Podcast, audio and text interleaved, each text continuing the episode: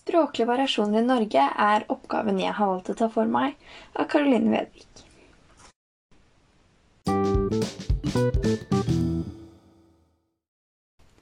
Det er svært mange variasjoner i et språk, og disse variasjonene har til alle tider blitt diskutert og debattert. Men språklig utvikling er en naturlig del av samfunnsutviklingen både lokalt og globalt. Språkutviklingen kan skape både ny bredde i språket og mulighet for flere referanserammer. Derfor har jeg valgt problemstillingen hvilke språklige variasjoner kan vi finne i Norge?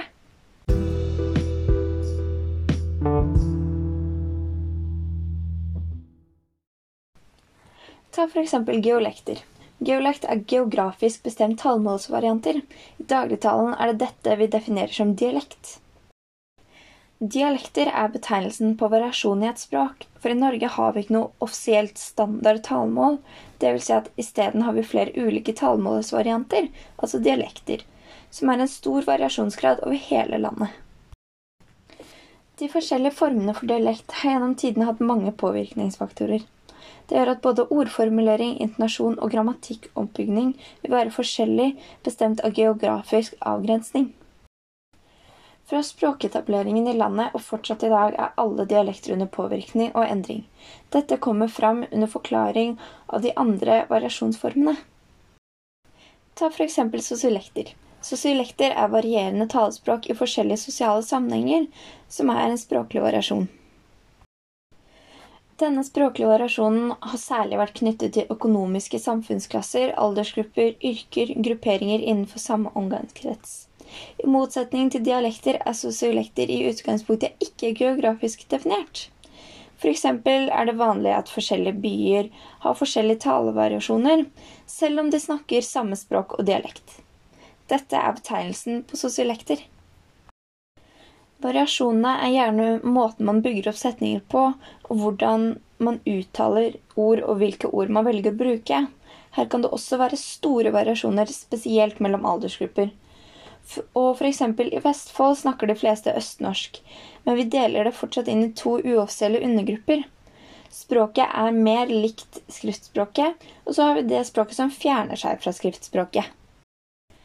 Det mest sentrale kjennetegnet på differansen mellom disse undergruppene er uttale og bøyning av enkelte verb. I tillegg vil f.eks. Vestfold bruke ord som ikke finnes i andre deler av landet, som perler for gummistøvler og gimmekloss for dørjesjamp. Og dørresjabb er forresten et fiskeredskap. Også nordpå har de særegne ord og uttrykk. For eksempel så sier de dauing for lik og hertet og hørt, som betegner halvparten på av hvert. På det språket nærmest skriftspråket sies det hytten, skoene og elven. Mens det språk som fjerner seg mer fra skriftspråket, er det mer vanlig å si hytta, skoa og elva. Sosiolekter kan komme fra hvor som helst og fra hvem som helst.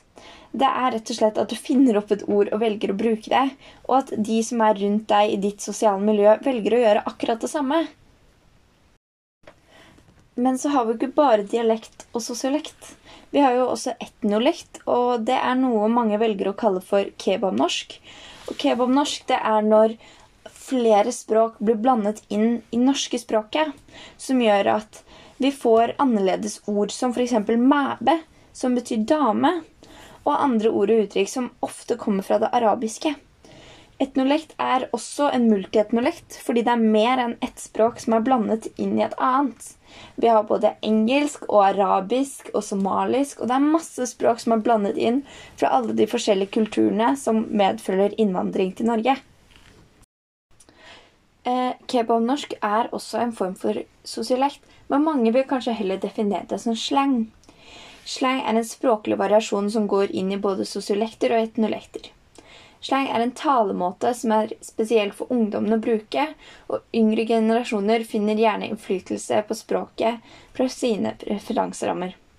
Kristine Håsund, som er språkforsker og slangekspert, sier at slang er moteord som er bevisste brudd med normalspråket. Det er ikke faguttrykk, og det er ikke dialekt. Det er veldig viktig at slang er bevisst, og når du gjør det, så hvis du f.eks. kaller ei ku fra ei ruslebiff, så er det meningen å bryte med det normale. Dette gjør vi både på tvers og innad av alle aldersgrupper og sosiale grupper. Noen av ordene som er slang, brukes ofte av små grupper og lager da intern slang, mens andre ord blir nærmest en del av sosiolekten fordi det etableres som uttrykk. Et eksempel kan være ordet å slufse, som brukes for sløyfe i store deler av landet.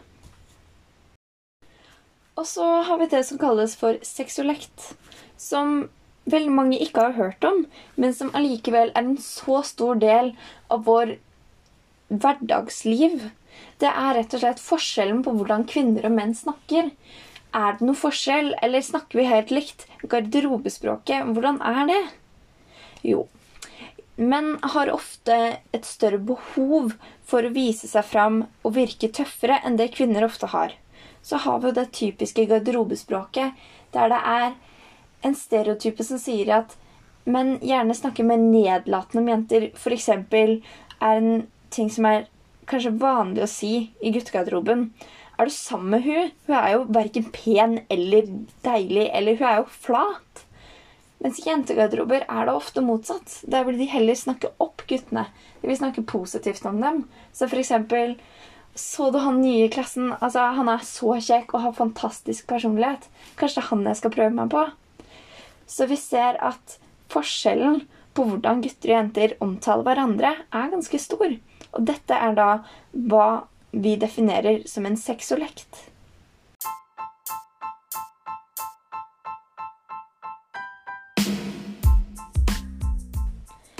Da vil jeg bare si tusen hjertelig takk for meg.